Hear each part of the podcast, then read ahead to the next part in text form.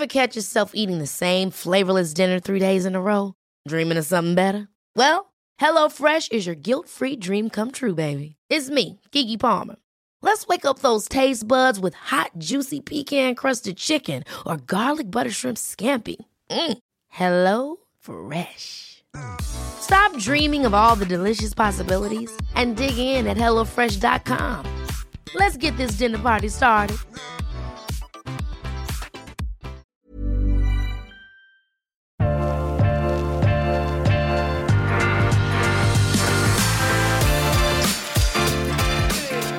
Yes, Velkommen til en ny episode av Ukens vintips. Og vi sitter her nå i denne førjulsstemningen som vi alle kan føle på, eh, sammen med Kristoffer Aga fra Rena, som har vært her tidligere, som dere kjenner fra episodene.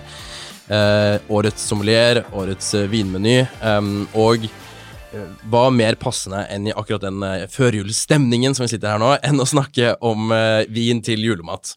Og som jeg sa før vi kom i gang her, at eh, jeg vet nesten ikke helt hvor vi skal starte, og jeg har nesten gruet meg litt til episoden, for jeg eh, er litt redd for at med et så diverst koldtbord av julemat som så mange har hjemme, at vi kommer til å anbefale 15 viner. Eh, og det er jo selvfølgelig ikke eh, så veldig enkelt å høre at å ja, jeg må ha 15 viner. Det er det som liksom er fasiten fra denne episoden her.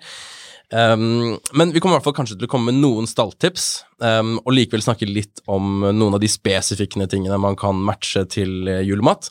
Um, men jeg kaster egentlig bare ballen over til deg med en gang, Kristoffer. til julemat, hva, hva man, uh, hvor begynner vi? Hva skal man drikke til hva man spiser? Nei, det er jo et stort spørsmål. Um, det er mye man må ta hensyn til. Mange feller å gå i. Uh, og så er det jo viktig at man for det første drikker noe man liker, uh, mm. som man syns er nice. Uh, jeg som er fra Bergen sjøl, vi er jo veldig tro på pinnekjøtt, da, så kanskje vi kan bare starte med yes. pinnekjøtt. Yes. Der er jo det to ting, egentlig. Det første er jo at skal du ha røykt, skal du ikke ha røykt. Eh, hvis du har røykbinderkjøtt, så føler jeg at du gir en ekstra dimensjon til både retten, og du kan leke litt mer med vin, da. Eh, så der så er det også kålrabistappen, da, som egentlig du må tenke mer på enn du må tenke på selve pinnekjøttet. Eh, Hvorfor det? Nei, fordi at det er jo mye fløte i den. Den gir mye fett. Det er en del spices, sånn som muskatnøtt og litt sånn diverse ting. Igjen litt pepper pepper og salt, og så er det mye sødme og jordelighet fra kålrabien i seg sjøl. Eh, så jeg tenker veldig mye på den eh, mm. når jeg først velger vin, da. Eh, så har vi jo diskutert litt viner tidligere. Det er jo egentlig ganske mye å velge mellom her, da. Men for det første så vil jeg ha vin med litt kropp litt fylde. Eh, en god, behagelig syre trenger ikke være sånn det er elektrisk høy syre, men en mm. ganske fremhevende syre. Eh, og så, så, må du gjerne ha en vin som har gjerne litt fat, som har en mer moden, konsentrert frukt, men uten at det blir tropisk. Mm. Eh, så da er det ganske mye å velge mellom. Eh, jeg snakket jo litt med Svein tidligere. Da snakket vi om eh, lingua franca eh, fra Willamette Valley. Chardonnayen deres fra 2018, Estate Chardonnay. Yes. Ganske kule greier. Smakt lite av det før, men hørt mye om det. Så har jeg vært og sniksmakt litt uh, tidligere. det så, ja, så det var veldig veldig fascinerende. Jeg bruker de en del fat. 40 mm. nye fat. Perfekt moden, ren gul frukt. Nokså floral i karakter. Gjerne litt sånn jasminkarakter og sånn som det. Uh, og i tillegg så er jo det også cuttings fra selveste monraché i Burgund i tillegg, da, så du har en solid kalkholdig mineralitet også. Men er den, når du sier at den er litt eiket, er det da mer til pinnekjøttet som også har litt mer røyket smak, eller er det ja. to forskjellige ting? Nei, absolutt. Det fatbruket passer kjempebra mot, eh, mot, pinnekjøtt som er smoky, eh, også frukten mot kålrabistappen, og så også frukten mot på en måte å balansere saltet i pinnekjøttet, da. Mm. Eh, og skyen og det hele, og mandelpotetene og de type tingene der, da. Uh, så det syns jeg høres ut som en veldig veldig god pairing. da. Men det er mye du kan gjøre her. Generelt chardonnay-basert. Uh, kanskje du kan kjøre litt chenin blanc også, mm. uh, hvis du er litt mer eksperimentell. kanskje noe vinier fra Nordån, hvis du har en litt kjøligere, strammere årgang med litt bedre syre. Det er en del som passer, da. Ja, ja Vi kommer lett opp i 15-30 viner som passer til pinnekjøtt. Yes. Men for å kjære litt igjen med litt Kristoffer, så føler jeg ofte det at når man, man får det der pinnekjøttmåltidet Vi har det, La oss si du spiser pinnekjøtt tre ganger før jula. Mm. Og så står det på julaften, alt er stress. Eh, noen har valgt eh, øl og akevitt til, og du kommer med vinen din, og så begynner ikke du å justere maten. Og der føler jeg at man må øve litt. Mm. Så det er lurt å ta seg en runde på kjøkkenet eh, 14 dager før, tre uker før, teste pinnekjøttoppskriften og sett hvordan den virker mot det gode måltidet på julaften. Og da begynner du å få forståelsen av det. Og, og, jeg mener, sånn som du sier om kålrabistappe, kjempeviktig. Jeg har å sette kraft inn i kålrabistappe. Mm. Eh, gjerne pinnekjøttkraft hvis jeg har det, men også annen kraft. Bare for å gi en fylde. Mm. Eh, og da eh, har jeg beveget meg bort fra fra, fra øl og akevitt for mange mange tiår siden. Og så har det gått inn mot vin. Hatt en bølge innenfor champagne og hatt samme karakterer med årgangssjampanje og sånt. Og jo mer jeg spanderer, jo mer chardonnay-baserte viner har jeg. Og da er det jo sånn som vi ofte er glad i, oss tre. Det er jo viner som har klar, markant elektrisk syrlighet. sant? Mm. Og den må man prøve å unngå litt. Og da var jeg glad når du kom med vinvalgene. Um, og jeg løp uh, halve Oslo rundt for å få tak i dem, for du velger alltid viner som er litt vanskelig å få tak i. Men vi fikk tak i dem, og jeg gleder meg til å skal smake dem etterpå. Men, eh. Men det er jo litt av poenget, da, å også komme med noen ordentlig gode tips, ja. utover bare du skal ha ja. den enkleste stilen og den enkleste ja. stilen der. Vi, og nå er jo denne episoden publisert såpass lenge i forveien at du skal jo faktisk rekke og det er kanskje derfor det egentlig liksom Hvis det er noe nytt av den episoden, er at du kommer med noen tips som du skal kunne klare å bestille før jul, da, mm. og, få, og, få, levert hjem. Ja. Men pinnekjøttet er liksom sånn eh, det, Der sier du alt, alt riktig. Og jeg eh, sånn, Vi er begge fra Bergen, med Kristoffer, og vi har jo eh, på en måte region til pinnekjøtt til julaften. Men så hvis du da går på Innlandet, altså oppover Gudbrandsdalen, sånn, så har de en annen type, mindre saltholdig og mindre fettholdig pinnekjøtt vanligvis. Og da krever det en litt annen vin, men i samme retning. Så det er ikke Hva slags annen vin, da? Nei, da hadde jeg gått sånn altså, Det er veldig spesifikt, da, for dere som hører på i Gudbrandsdalen. Ja, ja, dette her kommer rett fra Hamarpolet, for det er det beste polet i, i Gudbrandsdalen. Eh, men du, det er Chenet Blanc. Eh, en eh, ikke så eiket Chenet Blanc. Der ville jeg ha gått. Ja. Gjerne fra Sør-Afrika. Støtter det, altså. Mm. Eh, kjempegode ting. Mm. Men en annen ting som eh, mange spiser i, i, disse tider før jul, det er jo lutefisk. Den skjelvende fisken på tallerkenen mm. med et par store, fine Kristoffer, jeg vet ikke du serverer det ofte på Rena, men du spiser det sikkert innimellom? Ja, jeg er jo svak for lutefisk, da. Eh, så vi har et sånn familielutefisklag. Ja. Og jeg har vært med faktisk i et lutefisklag med egne forklær og alt i Bergen i flere år. Så her går vi Her kommer eksperten fra. Ja, nei da. Der har det vært mye akevitt og øl, da. Det skal jeg innrømme. For det er jo det tradisjonelle? Ja, altså Ja, det er det. Men da er spørsmålet, er det tradisjonelle et godt valg? Nei. Til lutefisk? Nei. Nei det er ikke det. okay. Greit å få bare Vi skal forklare hvorfor. Kristoffer, begynn du.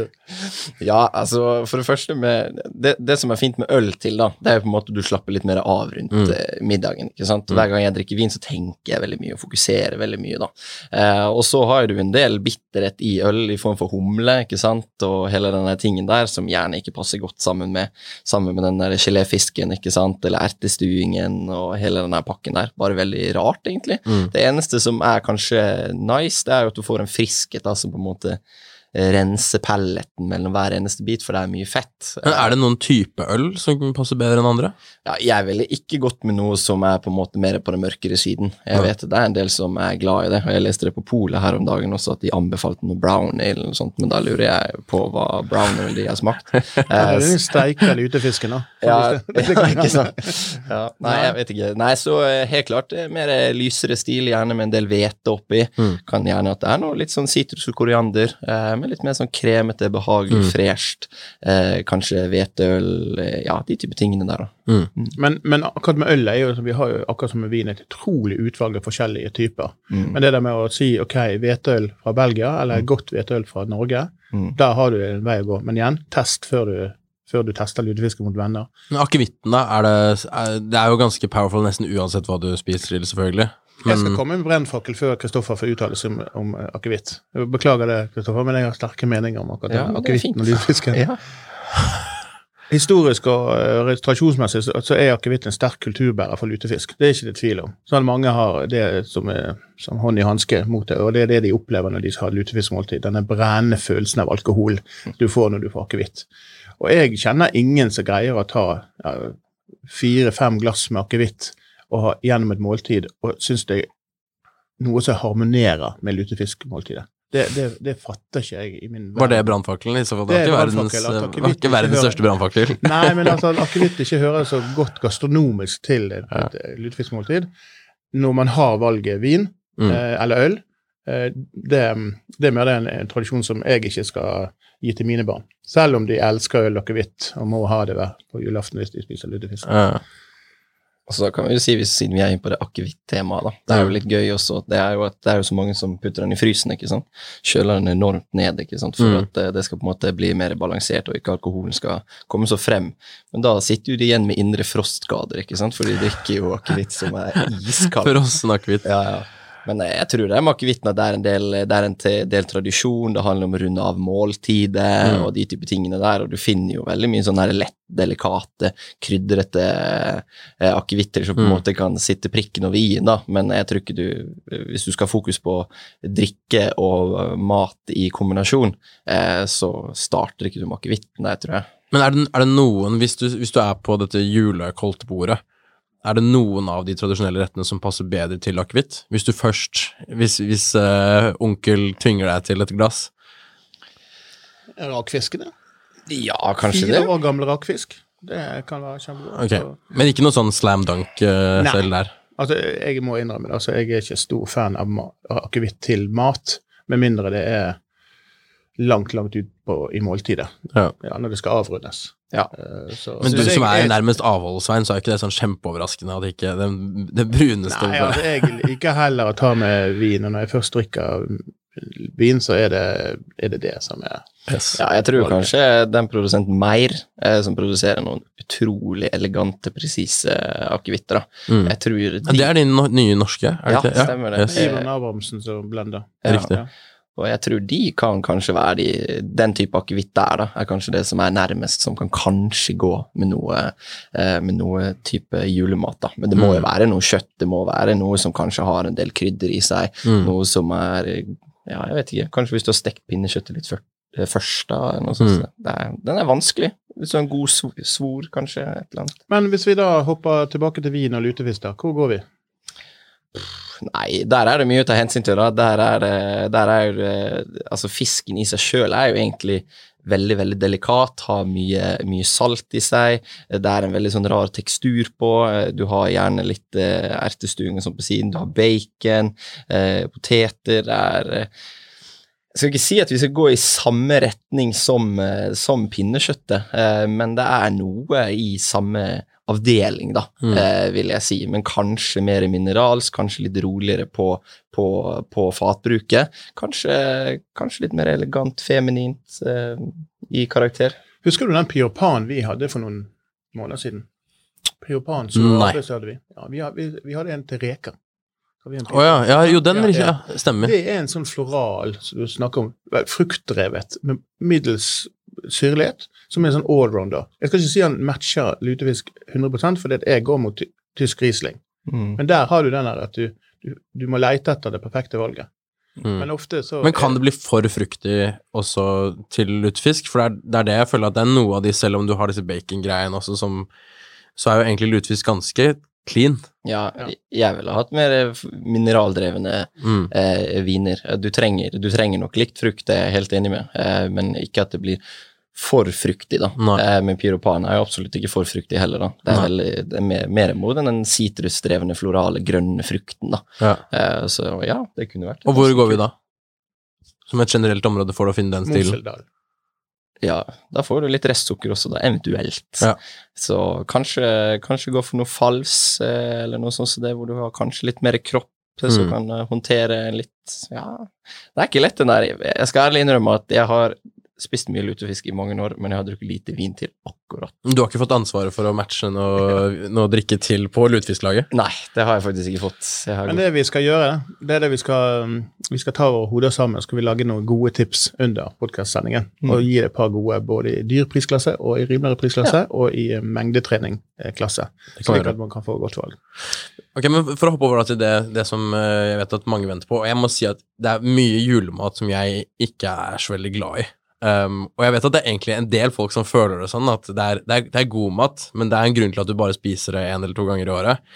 Men en av de tingene som, som jeg synes er jækla godt, kanskje bortsett fra pinnekjøtt, når man får laget det ordentlig, det er jo en god ribbe.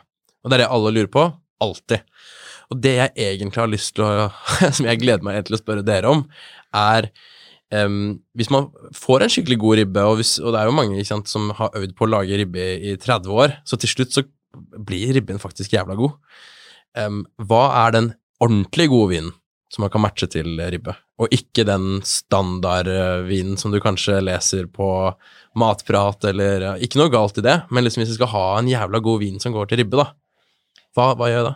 Nei, altså jeg syns jo ribben er på en måte det enkleste å pair, da. Ja. Eh, det er ikke sant, det er, det er, det er liksom svin, og det er liksom det er mye fett og et veldig Mm. lyst, delikat kjøtt, hvor at hvis du nailer den her eh, måten du lager det på, at du får den crunchy eh, svoren og hele den pakken der, Mm. så for meg så er det Alsace Riesling altså done deal. Yes. Ferdig. Yes. Eh, hvis du har riktig produsent der, så er det spot on, og det tar hensyn til både skyen, til surkål, til alt sammen, altså. Eh, så mm, ja, det syns jeg er en spot on pairing. Der kommer vi kanskje litt nærmere inn på hvilken type produsenter etter hvert. da. Men la oss gjøre det. For jeg visste ja, ja, faktisk ikke ja. Jeg visste at vi satt foran denne Alsace-vinen her, men jeg visste ikke at du hadde valgt den ut til ribbe. Så det var jo egentlig har perfekt. Vi har jo en verdenspremiere på området Alsace, som er et område som Gud glemte på 80-tallet med gevirstraminer og gravlaks. Ja. Eh, og så har det bygget seg opp et par gode produsenter. Og en av de som har gode, som har også noen toppprodusenter, er jo Trimbak. Som du kommer ikke utenom. Eh, Nei, ja, altså jeg hyller jo, hyller jo Trimbak, Mm. eh, virkelig. Eh, Pierre Trimbak som lager viner nå, det er jo en produsent med dype røtter i Alsace. ikke sant? Startet Mm. tilbake på 1600-tallet, eh, og fortsatt driver og utvikler kule nye viner. Eh, og de har jo Claus Santun og Cue Fredrik Emil som på en måte er to viner som eh, flere av de som er glad i vin, kanskje har vært borti. Eh, men så tenkte jeg hm, jeg har ikke lyst til å prøve de vinene, fordi at Mm. for det første så kan de være litt for dyre, vanskelig å få tak i. Eh, og så er det to Grand Cru-viner fra Trimbok som har gått litt sånn der under radaren. Fett. Eh, som dette er, er under radaren. dette er så under radaren. Så du Men du får det på polet, Ja da, Ja, ja, ja. I den øverste hyllen Brygge. og, og du kan bestille det. Ja, du kan bestille. det. Gode ting. Ja, nei, så det er eh, Slåssberg, og så er det Geisberg, da. Eh, Så det er jo da to av de nå 55 Grand Cruene. Eh, Og Geisberg, hvis jeg ikke tar helt feil, så gikk den inn i QV Fredrik Emil tidligere, eh, men så begynte de fra 09 eller noe sånt som det, og produsere det som en enkel vinmarksvin, da. Eh, Og produseres jo kun i årganger hvor de mener at eh, den kan stå på egne bein, så jeg tror det er bare tre-fire årganger som er produsert. 9 og 11 og 16 og en til. Eh, og for meg så er dette helt enormt bra, altså. Helt. Ja, dette gjetter du aldri er Alsace. Det Og så er det 2016 i tillegg. Mm. ikke sant? Litt slankere, strammere, litt mer feminin, elegant eh, årgang. Eh, som på en måte var en deilig årgang å få etter 15, da, som var veldig rikt og stort, men som også er en toppårgang. da. Så, og den her har et langt liv også, drikker enormt bra nå, men hvis du lar den her ligge litt i kjelleren eh, og kjører den opp til ribben om eh, fem, seks, sju år, så tror jeg du kommer til å ha en enda bedre opplevelse. Så banker som kjøper en kasse av den her nå, og så bare la den Ribben endrer seg ikke til neste år. på Nei, måte. det gjør ikke. Så, Nei da. Og så er det lite produsert også, ikke sant? så det er liksom førstemann til mølla-konsept her, da. 3500 flasker i året. Lite. Det minner meg litt om ost av Tag Munchberg i, Ja. i tidlige faser. Ja. Uh, men uh, Men hva smaker vi her nå, da? Og, og, og, og Fortell gjerne også litt Kristoffer, hvorfor du mener nøyaktig sant, disse tingene vi smaker, går så godt til ribben. Nei, for det første så kan vi jo ta det elementære, da. Det er jo det at den har en solid syrestruktur, men som ikke er for sharp. Den Mm. renser eh, godt opp. Eh, jeg tror eh, altså type konsentrasjon i vinen kommer til å være med å løfte selve ribben i, i. Den kommer bare til å liksom bli enda mer god ribbesmak, da. Mm. Eh, og, så, og så er det den der mineraliteten som er, på en måte gir en liten sånn saltiness som du ofte har i retten i tillegg. Eh, og så har han en, en litt sånn utypisk alsassfrukt, vil jeg si. ja, nei, han er alt annet enn Alsace. Ja, nei, det, det er noe han. Altså, er så, så ung, solid vin. ja. Med enorm konsentrasjon, har sånn syrlig stenfruktkarakter, nokså floral, også litt grann smoky, som Mm. jeg syns er fint, og litt sånn krydder, litt hvit pepper, litt mynte, et eller annet i den der avdelingen der, som Mm. jeg syns også er veldig kult, da. Jeg legger merke til at eh, den, den har en ganske, ganske intens frukt, og selvfølgelig, som du sier, høy syre. Men jeg liker litt også at den vinen ikke er så fyldig og ikke så fet, fordi når du sitter der, og du vet at det er selv i en, en ganske lite fet ribbe, så er det mye fett, og det er mye fett rundt resten av bordet også. At det du egentlig ikke vil, er å ha denne tunge, slitsomme vinen på toppen, som gjør ting liksom vondt verre, da. Ja, du vil ikke ha sånn oljete greier, oljete tekstur med liksom flabby syre, og så frukten som kommer litt etterpå. Nei, jeg er enig med det. Og jeg merker også at, eh, og det er en ting som jeg kanskje ikke nevner så ofte, um, for vi snakker om at hvordan pairingen skal være perfekt, eller noe sånt, men den vinen som vi har i glasset her nå, den er ikke så veldig, i hvert fall ikke mitt glass, er ikke så veldig kjølig lenger. Um, og det er typisk også på et, eh, et julebord hvor, hvor du blir sittende i timevis, og flasken blir stående ute i timevis også, at den er fresh selv om den begynner å bli litt varm, da. Ja. Det er ganske digg også, at du ikke må ha den kjølig og kald. Sånn som vi noen ganger sier, Ja Svein, at er server, server kaldt i store glass. opp, ja. Men uh, det her er digg, digg uansett. Ja, det er et godt poeng, og den her har jo også godt av hvis du, hvis du pjåter den over på karaffel Mm. og lar den stå inni, inni kjøleskapet en halvtime, time før eh, servering. Og så skjenke litt i glassene hele veien. Jeg Mm. trenger ikke å fylle helt opp, eh, men det er sånn som du sier, jeg er helt enig, at den er veldig, veldig nice. Den faktisk er litt oppe i temperatur også. Mm. Så Men en ting som um, svineribben ofte blir jo lei av å lage svineribbe, um, og så kommer da det vi kaller Hellstrøm svineribben. Den har putta på asiatisk uh, soyasaus eller lignende. rundt, sant? Ja, men det er en sånn kommer ofte den uh, oppskriften opp. Og straks man putter på en soyasausaktig, som er veldig populært, uh, så må man begynne med sødme. Og da kan altså være et alternativ med sødmefull Alsace-vin, men igjen da slår ingenting da igjen Riesling fra ja, eh, fra Reinessen eller andre Mm. som er konstruert. Men akkurat denne her crispy, flotte Alsace-vinen som Kristoffer kom med her nå, da imponerte du, Kristoffer. Ah, så bra. Det var, det var dagen min. Ja, men det er godt. Nei, så tenker jeg også det der, Hvis du kjører den Hellstrøm-ribben, så kan du gjerne ha de Alsace-vinene som kanskje er fra en litt rikere årgang, hvor du kanskje har brukt mer fat, hvor du har en litt mer sånn nutty finish, Mm. eh, som tar litt mer hensyn til det der eh, soyapreget, da. Mm. Eller asiatiske touchet. Mm. Men for å hoppe fra svineribben, som vi gleder oss alle til nå, så er det noen som ikke velger svineribbe og lutefisk og pinnekjøtt. Og eh, på tapetet mitt når jeg tenkte på hva, hva man har da, så er selvfølgelig andebrystet. Mm -hmm. Eh, Og så er det torsken. Torskemåltidet. Mm. Jeg vet ikke om noen av dere har erfaring med det rundt jul. Ikke torskemåltidet. Nei. Egentlig ikke and heller, bortsett fra i Danmark så har du disse premieendene. Der er det jo kjempe, kjempekultur for det. Men eh, er det så enkelt som å si pinot da, eller kan vi si noe smartere? Hvis, I hvert fall hvis det er en del av igjen på en måte, julemåltidet. Ja, altså Jeg kan jo si at når jeg bodde i Danmark i to år, så var jeg med på dansk julebord der. Ja. Eh, og da spiste jo vi and med rødkål Ja. eh, og noen potetgreier til. Og den rødkålen var jo superintens, og mye sånn mørk bærfrukt i, og det var mye sånn solbærjus og mye, mye styr. Eh, som på en måte egentlig bare Hvis ikke du nailer den, så tar jo den over alt. ikke Mm. sant? Det blir jo Mm. liksom rødkål med and. Eh, men, eh, men jeg tenkte jo litt på dette her også, da, når vi snakket om at vi skulle ha dette temaet. Eh, og pinot, ja, men at du trenger å gå liksom mot den der klassiske burgund-pinoten, nei.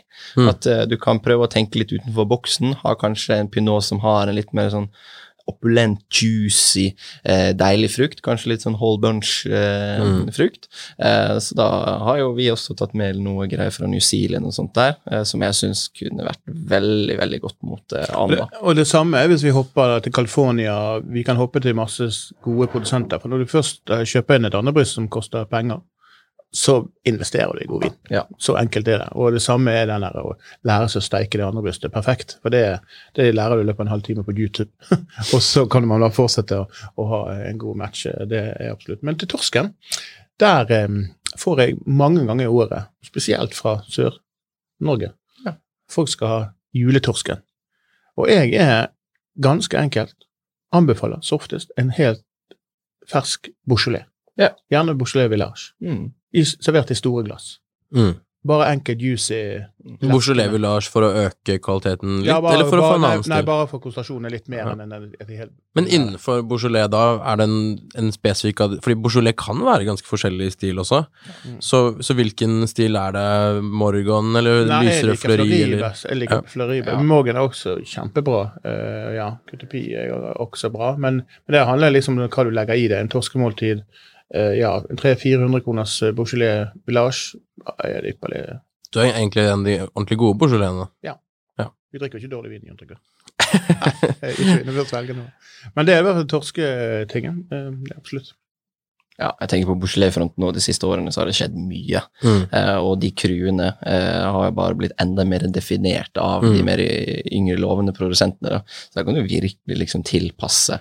Mm. Hvis du vil ha Morgon, så får du gjerne en sånn mer strukturert, mer smoke eller krydret stil. ikke sant? Flori er mer feminin, elegant, floralt, ikke sant? Mm. med kanskje litt mer tilgjengelig tidligere, ikke sant. Og ja, det er, det er mye mye spennende å hente der, men jeg syns det er et veldig godt uh, tips. Uh. Og skal, så sier Jon Trygve, det der med å ha litt avkjølte ting, det tror jeg er et nøkkeltips vi kan også gi. Mm. Ja, vær, vær, ikke, vær litt redd for å Det er litt vanskelig, ikke sant, siden Ja. du ofte sitter lenge, så du må jo Ja. være forberedt. da, Du må enten ha noe å kjøle ned i, eller bare rett og slett holde det litt i et skap underveis, eller fram og tilbake. Ja. Men ja. Kanskje stille på julebordet med kjølebag. Det hadde jo Ja, eller så kan jo du, hvis du skal ha, hvis du skal ha vin til mange, da, så kan du kjøpe Magnum. Og så kan jo du eh, putte den opp i flere forskjellige karafler, og så kan du ha inni kjøleskapet. True. Så kan du ta ut én og én. Men ok, er det noen, er det noen store uh, jule, julematstiler som vi mangler nå? Eller kan jeg spørre det store spørsmålet? er rakfisken. Den, Det er rakfisken vi mangler. Den mangler vi. Den føler vi at da har vi hatt et godt måltid. Vi sitter her smålubben og feit, eh, og vi eh, skal smake rakfisk. Og det er en utfordring for de aller fleste. For der finnes det butikkjøpt eh, rakfisk, og så finnes det Rakfisken i seg selv kan jo være en utfordring. For, Ja, det, det kan det være. Men jeg har, jeg har smakt syv år gammel rakfisk, og da, da, da tok jeg kveld. Altså, ikke det at jeg falt om og sånn, men det smakte og luktet så inn i Ja. Og den eh, Men det er ikke den vi kan ha match nå. Nei, det nei, nei, det. nei, det er ikke det vi skal gjøre. Men årgangsrakfisk, vær obs på det. Men den vinstilen som jeg følte passer best til rakfisk fra den butikkjøpte til det på å si hjemmelaget, det du kan få kjøpt på ulike butikker, eh, det er vin fra Jura. Ja. Der har jeg funnet Jeg tror ikke jeg noen gang har spist rakfisk engang, så du må faktisk forklare meg hvorfor det er. Jeg vet ikke hva det smaker. For det første så er det fermentert fisk, sant. Ja. Så er ofte svært spesielt litt oljete på smak. Stram i smaken. Um, og det er ikke noe som hindrer deg til at du syns det er litt kvalmende. Mm. Men når du først fått det på med, med flatbrød og med godt smør på, og så smører du denne her litt si, fermenterte fisken over og begynner å tygge på det, da begynner du å få eh, smaken på det etter hvert. Men det er en øvelse å gå inn i. Det er nesten så, sånn surstrømning fra Sverige, men ikke så ille. Nei, og så hjelper jo tilbehøret der. ikke sant? Ja. Du kan jo personliggjøre den her veldig. da. Ja. Hva tilbyr du, Om du har sjalottløk, eller om du har gressløk, eller om du har rømme, eller hva. Mm.